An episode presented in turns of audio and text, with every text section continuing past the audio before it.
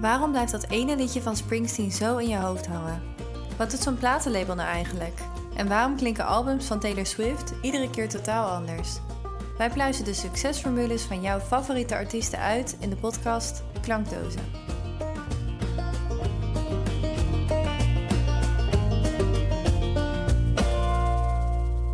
Alrighty, nou Lot. Vandaag gaan we het hebben over Taylor Swift, haar songwriting skills. En ik vind het echt een hele leuke aflevering, want mijn singer-songwriter hart ging echt nou, veel sneller kloppen toen ik alles uh, heb onderzocht. Uh, hoe zij te werk gaat, haar technieken. Uh, heel interessant om te weten hoe zij alles voor elkaar krijgt. Want ja, Taylor Swift is toch wel een van de grotere pop- en country singer-songwriters van de wereld. En velen zullen bij haar liedjes vaak denken ook aan de nummers die ze voor haar exen geschreven heeft. Ik denk dat dat wel een soort algemeen thema is. Wat veel mensen zullen herkennen. Maar de echte Swiftie weet natuurlijk dat die teksten veel dieper gaan. Uh, en nou ja, ze zijn toch wel behoorlijk jaloersmakend uh, als je zelf singer-songwriter bent. Niet normaal. Als ik uh, voor mezelf spreek. Voor mij is ze ook wel echt een voorbeeld. Ja? Ja. Voor jou ook zeker. Ja, absoluut. Ja. Ik ga wat vertellen over wat songwriting voor haar specifiek is. En wat voor technieken ze toepast als ze muziek schrijft. We gaan kijken naar haar songwriting through the years. Dus kijken naar de albums en hoe dat varieert uh, ja, door de tijd heen eigenlijk. Uh, we gaan een stukje kijken naar haar proces van het schrijven van een lied. En aan het einde gaan we een leuke exercise doen met elkaar. We gaan namelijk het nummer All Too Well, couplet voor couplet en refrein voor refrein gaan we doornemen welke techniek ze specifiek toepast. Dat gaan we gewoon even samen doornemen en dan gaan we hopelijk daar wat van leren. Nee, want in uh, het Elle magazine heeft zij een keertje een hele essay geschreven over wat songwriting specifiek voor haar is. Dus dat vond ik super tof om te lezen. Uh, hoe zij eigenlijk kijkt naar songwriten. Uh, songwriting is iets wat zij echt al van kinds af aan doet. We hadden het er in de vorige aflevering ook al even over. Uh, maar songwriting is haar manier van uh, verwerken. En ook in de tijd dat ze meer gepest werd vroeger als kind. Of de dingen die ze meemaakte in haar tienerjaren. Songwriting is haar uitlaatklep. En ze zegt zelf heel mooi dat songwriting voor haar de, de, ja, de, de vorm is die het dichtste bij tijdreizen komt. Want als je natuurlijk naar muziek kijkt en, en liedjes en, en bepaalde lyrics. Soms een nummer wat je echt vroeger als kind luisterde en je luistert het dan opnieuw, dan ga je gewoon weer helemaal terug in dat gevoel. Ik heb daar echt nog bepaalde liedjes bij die ik bijvoorbeeld luisterde als ik op de fiets zat naar school toe. Wat ik gewoon nog precies weet in welk gevoel ik toen zat. En dat is natuurlijk van muziek een bepaalde gave, maar dat is zoiets raars dat, dat, dat je dat kan doen met lyrics en met muziek. Ja, eigenlijk ook een beetje met Taylor's verschillende levensfases die ze vertaalt in haar albums inderdaad. Dat je ja. zo denkt, oh bij die eerste, toen was zij nog super jong. Oh, waar zong zij toen over met jongensproblemen van als je 14, 15 bent of, of zo'n tienermeisje. Terwijl later gaat het veel meer over andere onderwerpen waar je dan misschien weer in, in terug kan verplaatsen. Dus ja. zij heeft natuurlijk ook een soort van ons meegenomen met haar ontwikkeling ja, eigenlijk. Het is bijna een soort dagboek. Als je al haar ja. muziek zou luisteren, dan is het bijna alsof je echt bladzijde voor bladzijde kan meemaken in welk moment in haar leven ze toen zat. Ja. Het mooie is dus ook dat in haar songwriting, en dat is waarom zij zo in mijn ogen zo uitzonderlijk is in de manier waarop zij schrijft. Maar ieder lied wat zij maakt, maakt ze eigenlijk bijna een soort hele levendige schilderij. Met elk detail wordt gepresenteerd. Dus echt elk gevoel, elke geur, elke aanraking bijna van hoe iets voelt. Of echt, zij, zij gaat zo diep in op de details. Waardoor het bijna lijkt alsof je naast haar staat in het moment, in het nummer, waar zij dan op dat moment is. Het is bijna filmisch eigenlijk. Ja. Filmisch, maar dan in de vorm van een lied. En dat is wat haar in haar storytelling zo uniek maakt. En dat is ook wel iets wat je noemt object writing. En object writing, dat uh, noem je ook wel de zintuig schrijven. En hoe dat in zijn werk gaat, is dat jij pakt een situatie, uh, een bepaalde scène, dat je met iemand bent. Um, en dan ga jij eigenlijk alle zintuigen beschrijven wat je dan in je opneemt in dat moment. Dus hoe ruikt de lucht in de ruimte waar je bent? Of hoe voelt het tapijt of de bank waarop je zit? En natuurlijk, de belangrijkste is wat zie je? Dat is ook de zintuig die het meest wordt toegepast. En je hebt eigenlijk ook wel twee hele bijzondere um, uh, ja, zintuigen die ook bij object writing horen. Je hebt organic writing en kinesthetic writing. En organic writing is eigenlijk ehm, eh, meer echt het gevoel wat je van binnen hebt. Dus je hebt natuurlijk je, je, het gehoor, je hebt je zicht, je hebt je reukvermogen, je hebt het, je, de aanraking, het tasten, het voelen. En organic is eigenlijk bijvoorbeeld het bonzen van je hart, wat je voelt binnenin. Of misschien, eh, ik voel het uh, door al mijn bloedvaten stromen. Nou, dat kan je natuurlijk niet echt voelen, maar dat zijn allemaal voorbeelden van die organic manier van schrijven. En een kinesthetic is eigenlijk jouw verhouding uh, tot de wereld. Dus stel jij bent dronken, om dat als voorbeeld te nemen. Heb je nog nooit is... meegemaakt? Nee, hè? Nee, ik ook niet. Uh, maar dan is de wereld natuurlijk een beetje vaag. Dus dan is alles een beetje in een blur. En dan heb jij op dat moment die verhouding met de wereld. Dus dat is, dat zijn wat, twee wat meer lastige zintuigen. Um, ik wil ook niet zeggen dat Taylor die heel vaak gebruikt. Maar je kan bijvoorbeeld een mooi voorbeeld nemen, zoals bijvoorbeeld een scène uit de Titanic. Laten we een, filmscène pakken die nou, veel mensen waarschijnlijk wel kunnen kennen. Maar het moment dat Rose komt van de trap lopen en um, Jack die staat beneden aan de trap, staat op haar te wachten. En stel, we nemen het oogpunt van Rose, dus zij kijkt beneden naar Jack. En in, in dit geval, ze ziet hem natuurlijk staan in zijn pak. En misschien voelt ze wel haar hart sneller kloppen, omdat ze hem daar zo ziet staan. En ze voelt met haar vingertoppen glijdt ze langs de trap uh, waar ze naar beneden loopt. En elke stap voor stap komt ze steeds dichterbij. En ze voelt haar hart steeds sneller kloppen. En ze hoort het, het, het geroezemoes van de mensen in de ruimte en het. En het uh, geratel van de, het borden en het bestek, want het diner wordt klaargezet. Maar dan in één keer verdwijnt dat geluid en ziet ze alleen hem. En dat is bijvoorbeeld het beschrijven van een bepaald gevoel. En dat kan je dus toepassen. Ik zat er al helemaal in. Ja? Ik ga er gewoon een nummer over schrijven. Nee.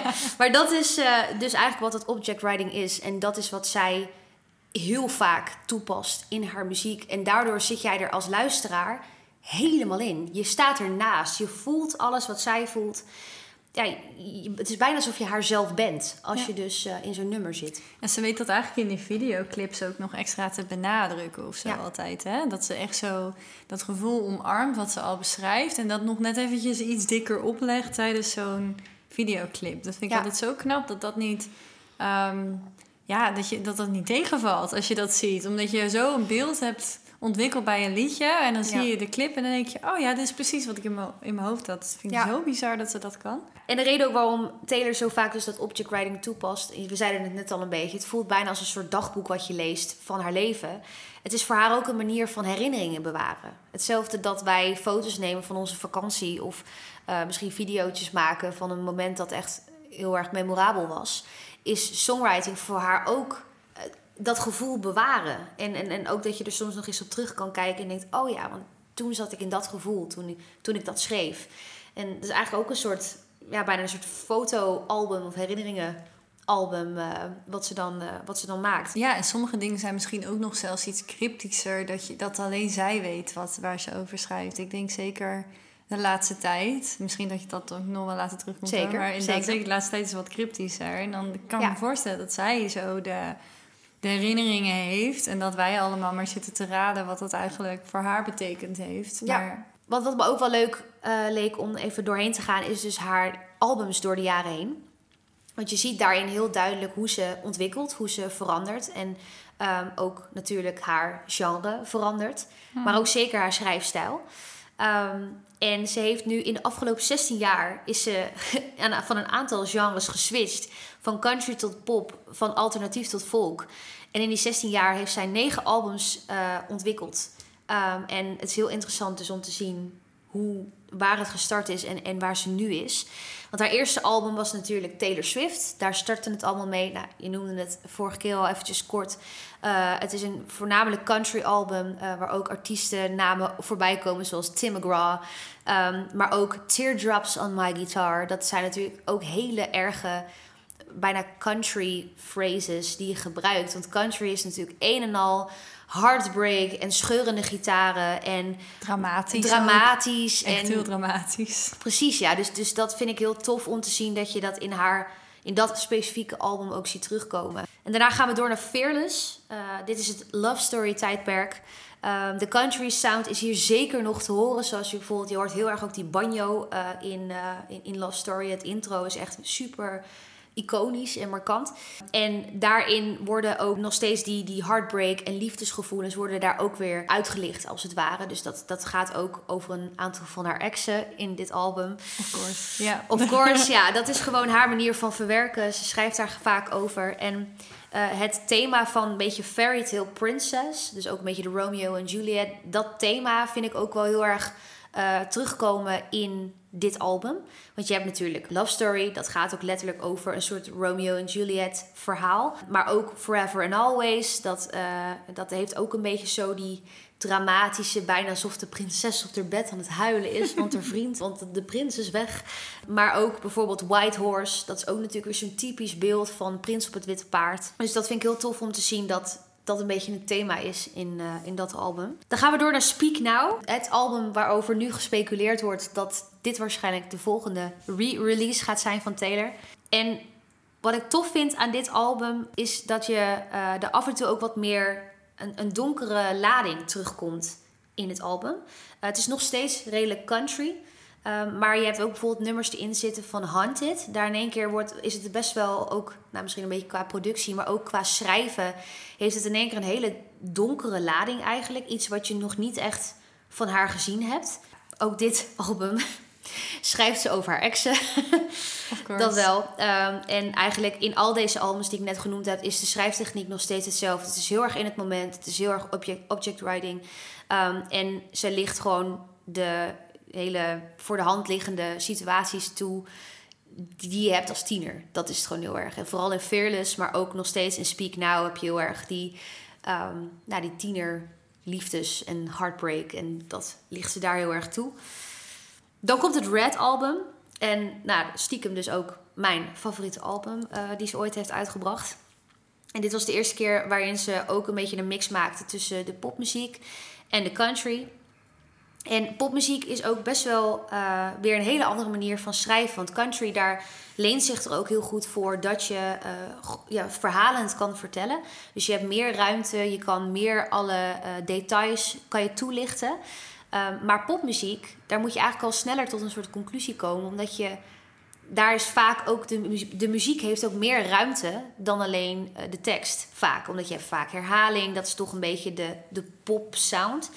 Um, dus dat was voor haar ook wel een soort nieuwe uitdaging uh, om dan toch te vertellen wat je wil vertellen in de tijd die je hebt. Dus daar veranderde ook de schrijfstijl wel iets. Dus dan heb je gewoon minder ruimte. Toen kwam ze met 1989. Een mega switch. Zoals ik al net al zei. Uh, hè, het experimenteren met popmuziek. Maar nu het hele album lang. Eigenlijk alleen maar popliedjes. Waarin ook veel herhaling gebruikt wordt. Waarin je dus minder de tijd hebt om dingen echt specifiek uit te lichten. En een grote uitdaging voor Taylor ook. En van 1989 is mijn favoriet Wildest Dreams. Ik vind gewoon alles aan dat nummer een soort sensueel. Het is...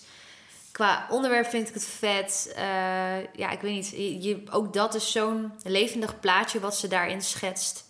En dan ook in, in samenwerking met dat, uh, die videoclip die ze uit heeft gebracht, vind ik die echt te gek. Ja. Jij? Um, Out of the Woods is ook van 1989, toch? Ja, ja die vind ik heel sterk. Oh, the woods. Ja, dat ze zoiets, wat best wel ja, veel herhaling is, waar we het over hadden hè, met die pop. En dat kan ze zo catchy maken. Dat vind ik zo ziek. En fun fact over 1989. Um, dat is dus ook door een gitarist, Ryan Adams, is ja. dat ook uitgebracht. Die heeft dus blijkbaar zo'n die, uh, ze lag in een scheiding. Die heeft toen 1989 heropgenomen op zijn eigen manier. Ik zal het wel laten laten horen. En um, op zijn eigen manier. Dus die pakte al die nummers en die... die uh, het is echt heel bizar. Dus die heeft dat volledig een soort van... Het zou bijna Taylor Swift meets Springsteen kunnen zeggen. En die, die heeft dat volledig opnieuw opgenomen. Heeft daar toestemming voor gehad. Dat is echt zo cool. Um, om maar te zeggen hoeveel mensen zij alsnog uit, aanspreekt met haar break-up songs. Dat mensen, Jeetje. ook mannen van, weet ik veel, 50 plus, uh, ja. die zoiets hadden van, oh, ik ga dit helemaal opnieuw maken, want ik zit hier helemaal in en dit is echt, gaat over mij. En... Oh, bizar. Cool, ja. Heel vet. Ja. ja. dat is echt mega vet. Ja, want ook nog een fun fact over Out of the Woods dus. Er zit superveel herhaling, wat je al zei, in dat nummer. En dat heeft dus ook een reden waarom dat erin zit. Want ik weet even niet meer specifiek welke relatie uh, dit nummer over gaat. Maar zij was zo onzeker in die relatie. En dus om uh, soort die onzekerheid en die gedachten in dat nummer terug te laten komen, heeft ze echt super vaak Are we out of the woods yet? Are we out of the woods yet? Weet je wel? Is het nu goed? Zijn we nu oké? Is het nu dat is continu die gedachte die ze had in die relatie van of gaat er nu weer iets gebeuren of is er nu weer iets mis of weet je wel? Die onzekerheid geeft ze daarin heel goed weer, vind ik. In, ja, uh, in dat een soort wanhoop eigenlijk. Ja, Ook, ja. Volgens mij was dat over die acteur die Loki ook speelt. Oh ja, was het Tom Hiddleston? Tom Hiddleston. Volgens mij was dat over hem, maar dat, weet ik niet helemaal zeker. Kan wel dat, het, dat hij dat was inderdaad. Ja, over wie heeft ze niet een nummer geschreven? Ja, precies. Dan komen we aan bij het album Reputation. Het meest donkere album van haar hele carrière, I feel like. Ja. En het enige wat ik over dit album kan zeggen is dat elk lied bijna als een soort van uithaal of een sneer naar iemand voelt. Ja. En ook, nou, sowieso in de vocals schreeuwt ze het ook echt uit in sommige stukken. En in haar lyrics gebruikt ze dus ook heel veel donkere woorden, zoals narcissist, bad, burning, flames, killer, jailer, thief. En grappig is dat toch ook een beetje weer dat sprookjes-thema wel weer terugkomt. En ik kan zien dat ze daar best wel ook door geïnspireerd is. Dus bijvoorbeeld, ze heeft een nummer I Did Something Bad. En daar heeft ze een zin in dat he, of die gaat. They are burning all the witches, even if you aren't one. Pitchforks and proof. Dat is echt een beetje natuurlijk dat middeleeuwse... Ja, echt weer een fantasy thema. Ja. Precies, ja. Onschuldige mensen werden natuurlijk gewoon op de brandstapel gegooid. Als je net een beetje anders was. Ja. Dus heel vet hoe ze dat dan gecombineerd heeft in haar muziek. En mijn favoriete nummer van dit album is eigenlijk eentje die, die ik heel erg uh, juist niet vind passen bij de rest. Is New Year's Day. Dat is een Mhm. heel mooi pianoliedje. Dat vond ik eigenlijk het mooiste liedje van het hele album. Maar ja, ik ben ook meer een akoestische gitaar-piano eh, girl. Ja. Ehm, heb jij een favoriet? Ja, en dat komt eigenlijk door de hele vibe van dat album. Want je komt natuurlijk binnen in het eerste nummer, Are You Ready For It? Oh ja. Zo ziek. Je komt, je zet Are hem you aan. ready for it? En dan echt zo zo'n Ja. dikke bas. En ik vind dat zo cool, omdat ze gewoon echt laat zien van... Oké jongens, ik ben even niet geweest. Ik heb even wraak genomen met dit album. Are you ready for it? En Ja. dat, dat, ja toch? Dat is eigenlijk de samenvatting voor dat hele album alvast met één liedje gewoon echt... Ja, suck it. We gaan gewoon. Ja, Ja, toch? Are you ready for it? En zoek het maar uit. En daarom, het is misschien niet het, het mijn favoriete nummer van haar, maar ik vind wel. Ehm, de boodschap is daar zo duidelijk meteen. Echt Ja. niks voor verbeelding over te laten. Gewoon echt Snoeihard. snoeihard. I Ja, love it. Ja. Super. Nou ja, daarna kwam ze natuurlijk met een echt, ik zei het in de intro ook al, maar een, met een compleet tegenovergesteld album. En eh, ook in haar videoclip vind ik dat heel vet hoe ze dan die switch ook maakt. Maar daar zal jij ongetwijfeld ook meer over gaan vertellen. Ehm, maar dat is het Lover album. En nou ja, het, de hele naam van het album zegt het al. Alles is zacht, alles is lief, alles is carefree. Alles, ook zeg maar de manier van schrijven, het is allemaal niet te serieus. Eh, het, het- ja, maar ook wel weer hele serieuze thema's komen er ook wel in voor. Want dit is ook het eerste album waarin ze zich wat meer uitspreekt over politieke kwesties. Ja. Ehm, en dat is ook iets wat in haar documentaire heel erg terug is te vinden. Dat ze zich eigenlijk daar steeds meer over gaat uitspreken. En dan vooral het nummer You Need to Calm Down gaat natuurlijk over het hele gedoe rondom homohuwelijk. eh en vooral in Tennessee. eh, wat natuurlijk allemaal een heel ding was. Ja. Ehm, en dat vind ik ook wel heel vet dat ze dat voor het eerst daarin, of daarover uitlaat in zo'n lied. Eh, en voor de rest, ja, het gaat heel erg over rainbows en butterflies. En ja, wat ik zei, alles is zacht. Ik moet wel heel eerlijk zeggen dat bij dit album had ik wel zoiets van: ik vind het eigenlijk voor haar leeftijd te zoetsappig allemaal. Mm, snap ik wel. Dat had ja. ik heel erg. Dat ik denk, ja, weet je, ze, ze was- ja, je wordt steeds ouder. En ik zeg niet dat je dan niet meer over dit soort dingen mag schrijven. Maar ik voel gewoon haar hele schrijfstijl en, en de, de bewoordingen van dingen. En eh, vond ik gewoon bijna een beetje een soort van childish. Ja, maar Het bleef te- nog een beetje hangen in wat ze al geschreven had, ook misschien. En Ja, niet zozeer een evolutie zoals ze daarna eigenlijk wel weer heeft laten zien. ja. Ja, snap ik Ja, wel. en inderdaad, wat je zegt. Dus toen ik die gedachte eenmaal had, toen kwam ze met Folklore en Evermore. Ja. En dat was echt, dat waren de twee albums sowieso bizar dat ze in één jaar tijd twee albums heeft uitgebracht met echt ontzettend veel liedjes. Ja. Ehm, maar dit was ook het album waarin mensen gewoon zo confused waren met de, de woorden die ze gebruikt.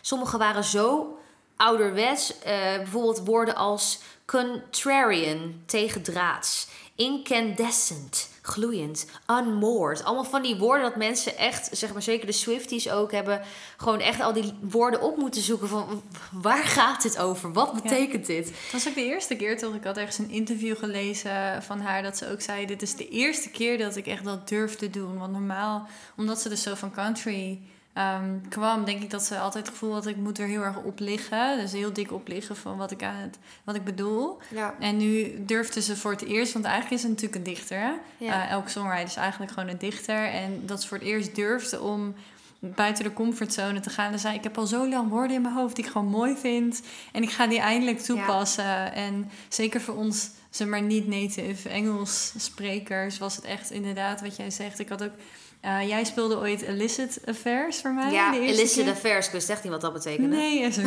ondertussen zoveel wat houdt dat eigenlijk in. En je zingt dat heel leuk. Maar dan denk je, oh, wacht even. Oké, dat betekent dat. Dat is wel echt... Ja, ze durfde wel eindelijk. Uh, Klopt. En tof ook aan deze twee albums is dat ze eigenlijk de narrative veranderd had. Dus voor het eerst was een album uh, of een nummer niet autobiografisch. Dus ze ging gewoon, zoals je zegt, ze is een dichter. Dus zij is gewoon verhalen gaan bedenken. Wat zij mooie onderwerpen vindt. Ze klapt een oud boek open en ze gaat een verhaal daaruit vertellen. Niet zozeer dat het betrekking heeft op, op zichzelf. Maar gewoon ja, intrigerende verhalen, wat, wat haar interesseert. Um, en een van de meest toffe uh, soort van driehoeksverhouding van het album Folklore vind ik de nummers Cardigan, Betty en August. En het grappige is dus dat deze drie nummers eigenlijk bij elkaar horen. Dus het is een driehoeksverhouding tussen drie mensen. Um, en de namen Betty, Inez en James zijn de namen van de kinderen van Blake Lively. Zeker spreekt dat Blake goed Lively. Ja, en Ryan Reynolds. Ja. En Blake is een hele goede vriendin van Taylor.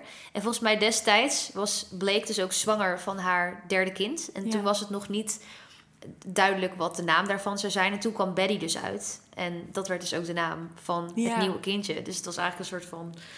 Ja, oh. echt super vet bedacht vind ik dat. En het toffe is dus aan deze drie nummers... is dat in het nummer Cardigan... dan volg je eigenlijk het verhaal van Betty. Ehm, en het is net eigenlijk een beetje uitgegaan tussen James en haar. Maar zij miste hem nog steeds heel erg. En Um, ze heeft nog steeds gewoon dat warm, fuzzy gevoel van een warme oude cardigan, weet je wel. Dat is heel erg wat dat nummer uh, overbrengt. Dan heb je het nummer Betty, dat gaat over James. En James heeft spijt, want James is vreemd gegaan, maar realiseert dat hij eigenlijk nog steeds tot over zijn oren verliefd is op Betty. En hij hoopt met heel zijn hart dat, dat ze hem toch nog terug wil. En in het nummer August gaan we eigenlijk verder in op Ines. Dat is het meisje waar James mee vreemd is gegaan. En die heeft alleen maar een ontzettend mooie zomer beleefd met hem. En die is heel erg verliefd op hem. Maar komt er toch achter dat zijn hart nog steeds bij Betty ligt. En nou, ja, ik vind dat zo bizar dat je gewoon even drie liedjes schrijven. Ze hadden bewijzen van gewoon, dat had één nummer kunnen zijn. Weet je wel? Over deze hele driehoeksverhouding. Dat en ze durft dat zo uit te trekken, hè? Ja, dat, vind ik zoiets bizars. Dus dat vond ik wel even leuk om dat uh, eventjes uit te lichten. Ehm, en nou, ik noemde het net al. Mensen hebben ontzettend hard uh, moeten googlen voor alle woorden. Want niemand wist uh, wat de meeste van de, de, de woorden allemaal betekenen. Um, dus dat ja, vind ik heel vet dat ze die kant, die volwassen kant vooral van zichzelf heeft laten zien. Ja. En dat zij echt gewoon, ja, ze is gewoon echt een schrijver. Punt. Weet je wel? Iedereen die ooit heeft gedacht van, ja, maar ze schrijft zo cliché of het is allemaal zo voor de hand liggend. Nou, deze meid kan echt schrijven. 100%. En het heeft inderdaad eerst haar volle potentieel, vind ik, laten zien bij deze albums als dichter, inderdaad. Ja. Want daarvoor, is ze schreef echt goed, hè? Laten we wel wezen, ze schreef echt goed. Maar ik denk inderdaad, hier liet ze zien dat ze echt heel literair is. Ja. En dat is wel een ander niveau in één keer. Dat ik dacht, Zeker, wow, oké, je durft het ook nog in liedjes te schrijven, te zetten die commercieel zijn. Want dat is natuurlijk wel grote ja. dingen. Men moet ook verkopen. Mensen moeten er ook mee in meegaan. Zeker. En als laatste natuurlijk, als klap op de vuurpaal, haar meest recente album Midnights. En bij dit album keert weer totaal het, het uh, persoonlijke aspect terug in haar nummers. Dit gaat weer over uh, de dingen die ze heeft meegemaakt. Um, en wat ik zo vet vind aan dit album is dat zij echt the best of both worlds heeft gecombineerd. Dus het is wel nog steeds qua vibe en weer qua dat object writing, dat je er weer in meegenomen wordt in het verhaal. Maar wel met de vibe van Folklore en Evermore, de volwassenheid, de, de, de, de schrijfstijl qua meer dichten dan echt uh, letterlijk opschrijven wat er, wat er gebeurt. En zo zegt ze ook, het is eigenlijk één samenhangend thema. En dan ga je weer, uh, dat vind ik ook zo tof aan dit album, is dat het zijn allemaal uh, dingen die je s'nachts bedenkt, midden in de nacht. Dus zoals ze zelf zegt, The stories are 13 sleepless nights scattered through my life. A journey through terrors and sweet dreams. The floors we pace and the demons we face. Dus dat is eigenlijk in de notendop waar Midnights over gaat. En we hadden het er net al even over, hè, dus dat met Folklore en Evermore echt heeft laten zien van ik ben gewoon een dichter. Toen zij bij de Nashville Songwriters Association International was, uh, heeft zij een 10 minuut lang durende speech gehouden. Je moet er maar eens een keertje terugkijken, want dat is echt wel heel interessant om te zien. Maar daarin liet ze eigenlijk een klein stukje zien, een glimpse van uh, haar songwriting proces. En als zij schrijft, dan heeft ze eigenlijk in haar hoofd drie categorieën waar een nummer over kan gaan. En zij beeldt zich eigenlijk in wat voor soort tool ze vast zou hebben als ze dus een nummer schrijft. Dus die drie categorieën zijn de quill lyrics, dus een, een veer, een oude schrijfveer. Mhm. Een fountain pen lyrics, dus de, eigenlijk gewoon een vulpen. Mhm. Ehm, en glitter gel pen lyrics. Ehm, dus zij beeldt zich helemaal in als ze een bepaald lied gaat schrijven. Oké, wat voor soort tool zou ik vast hebben als ik dit nummer ga schrijven? De quill, dat spreekt natuurlijk ook een beetje voor zich. En eigenlijk is haar hele album van Folklore en Evermore is volgens mij geschreven met een quillpen. Dat kan niet anders. Het voelt ancient. Het voelt bijna alsof... Uh, rustiek. Ja. ja, precies. Rustiek. Het is bijna alsof je een Jane Austen boek openslaat. Je ziet gelijk het tafereel voor met van die vrouwen... met van die ontzettend grote baljurken in balzalen... met die, weet ik het, de, de, de laces aan het uitzoeken zijn... voor als ze naar het bal gaan. Die hele vibe krijg je gewoon van dit soort nummers. En zo geeft ze bijvoorbeeld ook een voorbeeld van het liedje Ivy van Folklore. En dan zal ik even de, de tekst citeren, waarin je dat dus heel goed terugziet. How's one to know? I'd meet you where the spirits meet the bones. In faith, forgotten land. In form the snow you touch brought forth an incandescent glow, tarnished but so grand. Oh my god. Dat is toch, ja, maar dat is toch poëzie op dat zich? Is een het is gewoon ook lastig om uit te spreken. Ja, zelfs. ja, ja. ja, dan heb je de fountain pen lyrics. En dat zijn eigenlijk de meeste liedjes van Taylor vallen daaronder. Dat zijn gewoon die mooie schilderijen die ze schetst. Dus eh, alles in detail. Je voelt alles. Je bent erbij in dat moment.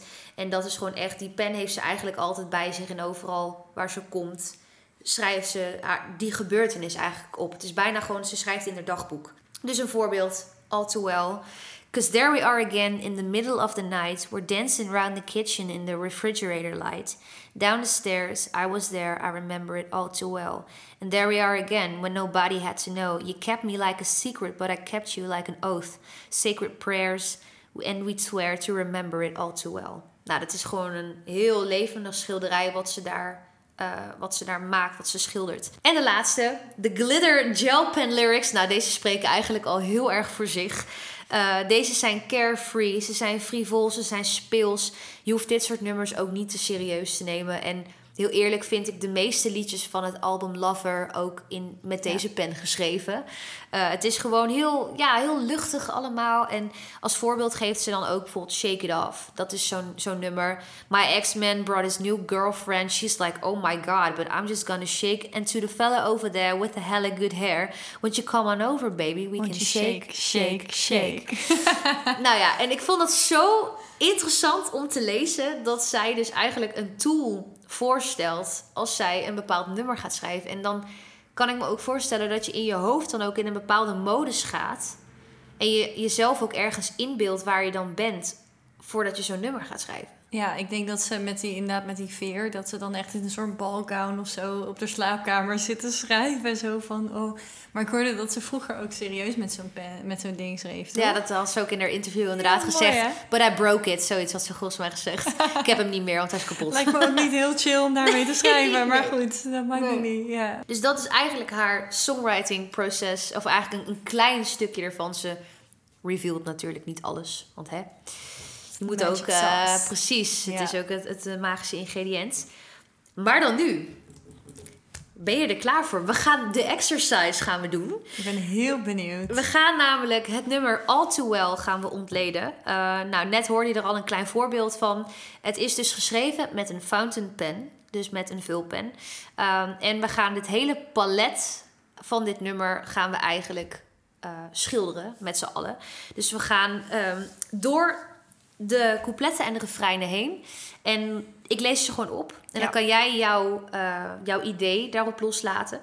En dan gaan we kijken welke technieken ze toepast. Dus we beginnen met het eerste couplet. En dat is... I walked through the door with you. The air was cold. But something about it felt like home somehow. And I left my scarf there at your sister's house. And you've still got it in your drawer, even now. Wat heeft Taylor hier toegepast? nee, maar wat, wat vind je hiervan? Wat is jouw eerste idee? Ze zet meteen de scène hè, in dit stukje. Ze laat meteen zien, eigenlijk waar het hele nummer al over gaat, zonder te veel los te laten, zegt ze al van. Um, I left my scarf there at your sister's house and you still got it. Zo van, oh, ik weet meteen in het eerste stukje, oké, ik weet nu waar we naartoe gaan. Ik weet dat het eigenlijk al verleden is. Ze zet volledig de, de intro van het verhaal. En je weet eigenlijk al waar het over gaat. Ja. Um, en eigenlijk ook al wat er gebeurd is. Wat er gebeurd is, want het is al uit. Want anders, en eigenlijk heeft hij dat nog. Hij heeft de, de sjaal nog. Dus je ja, er zit nog net even iets. Um, het is nog niet helemaal klaar of zo. Het is nog niet helemaal afgerond. Dus dat vind ik wel uh, opvallend aan dit stukje. Is inderdaad, het is echt zo Setting the scene. Setting the scene. Je weet, oké, hier gaat het over, maar je weet nog niet helemaal. Niet het hele verhaal. Je kent het verhaal nog niet helemaal. Nee. nee. Maar we zijn er binnen, we zijn in het huis. Ja. We lopen samen met hem door de deur. En dit is ook iets wat ze dus in haar shortfilm ook echt prachtig weergeeft. Oh, your sweet disposition and my wide-eyed gaze were singing in the car, getting lost upstate. And autumn leaves falling down like pieces in the place, and I can picture it after all these days. And I know it's long gone, and that magic's not here no more. And I might be okay, but I'm not fine at all. Wat ik interessant vind bij deze, uh, nu weet ik niet hoe dat met de vorige uh, was uit mijn hoofd, maar um, is haar, uh, haar rijmschema. Want zij pakt gaze, upstate, place en days. Dus zij pakt eigenlijk een rijmschema van al die uh, verschillende. Maar bijvoorbeeld Upstate is niet direct een rijmer van, van de gaze of de, of de place. Maar toch, ze pakt dat daar um, wel om dat denk ik extra te benadrukken hier zo. Ja, het is geen directe rijm. Het is de gaze en place is een directe rijm. Maar Upstate is, nou ja. het kan wel, omdat het zeg maar een beetje dezelfde klank heeft eigenlijk. Ja, inderdaad. Ja. dus ze durft daar net over iets anders uh, mee te zijn. En daarna heeft ze natuurlijk die twee, uh, I know it's long gone and that magic's not here no more. Daar breekt ze dat eigenlijk weer volledig. En daar gaat het... ja, en, ja, en ook qua, qua schema. En dat, dat laat ze zo meer uitblijken, omdat het juist weer een ander... Je wordt weer verrast, want in één keer krijg je een andere um, ander rijmschema. Dus waardoor er veel meer. Um, en het zijn ook langere zinnen, waardoor je in één keer veel meer je aandacht wordt getrokken. Waardoor ze daar veel meer de focus inderdaad op legt. Ja, dan gaan we door. Photo album on the counter. Your cheeks were turning red. You used to be a little kid with glasses in a twin-sized bed. And your mother telling stories about you on the t-ball team. You told me about your past, thinking the future was me. En dan krijgen we weer hetzelfde stukje een beetje. And I know it's long gone, and there was nothing else I could do. And I forget about you long enough to forget why I needed to. Hier zet ze hem eigenlijk nog heel cute neer, hè? Ja, klopt. Ze laat hem hier nog heel... Terwijl eigenlijk achteraf eh, denk je echt... Oh, wat een eikel. Maar op dit moment zit, zit hij nog heel erg in... Uh, oh, hij is zo lief. En dan zo, little kid with glasses. En je moeder zei dit over jou. Dus nog heel erg zo van, ze zet hem nog wel heel um, lief en schattig neer. Terwijl dat later een soort van, maar hè, daar gaan we zo bij. Uh, nou, later nog meer een ja. plot twist gaat komen. En het mooie aan dit lied vind ik ook, en dat is ook waarom het zo knap is uh, qua tekst ook. Geen enkel refrein is hetzelfde. Dus nu gaan we weer bijvoorbeeld door naar Because there we are again in the middle of the night. We're dancing around the kitchen in the refrigerator light. Down the stairs, I was there, I remember it all too well. Nog steeds heel happy. Uh, nog steeds een schetsen van een mooi... Romantisch. Romantisch beeld. Ja. Hoe, hoe mooi en lief hij eigenlijk was. En tegen haar deed. En dat vind ik ook heel mooi. Dat je wel ook, uh, ondanks dat het gaat over een break-up... dat je wel die mooie momenten uitlicht. Weet je, dat het niet gelijk is van, uh, oh, het is allemaal, het is allemaal slecht. En, uh... Ja, zeker. Ik vind ook de Refrigerator Light vind ik echt mooi gevonden. Ik kan nooit zingen. Ik vind het echt een toonbreker. Refrigerator Light. Refrigerator Light. um, dus dat gaat niet ja. altijd helemaal goed. maar het is wel echt heel, heel goed gevonden, vind ik. Ja, zeker. Dan gaan we door naar het allerlaatste stukje van deze exercise. En dat is our allerlaatste refrein in All Too Well. En dat is... Cause there we are again when I loved you so... Back before you lost the one real thing you've ever known, it was rare. I was there. I remember it all too well.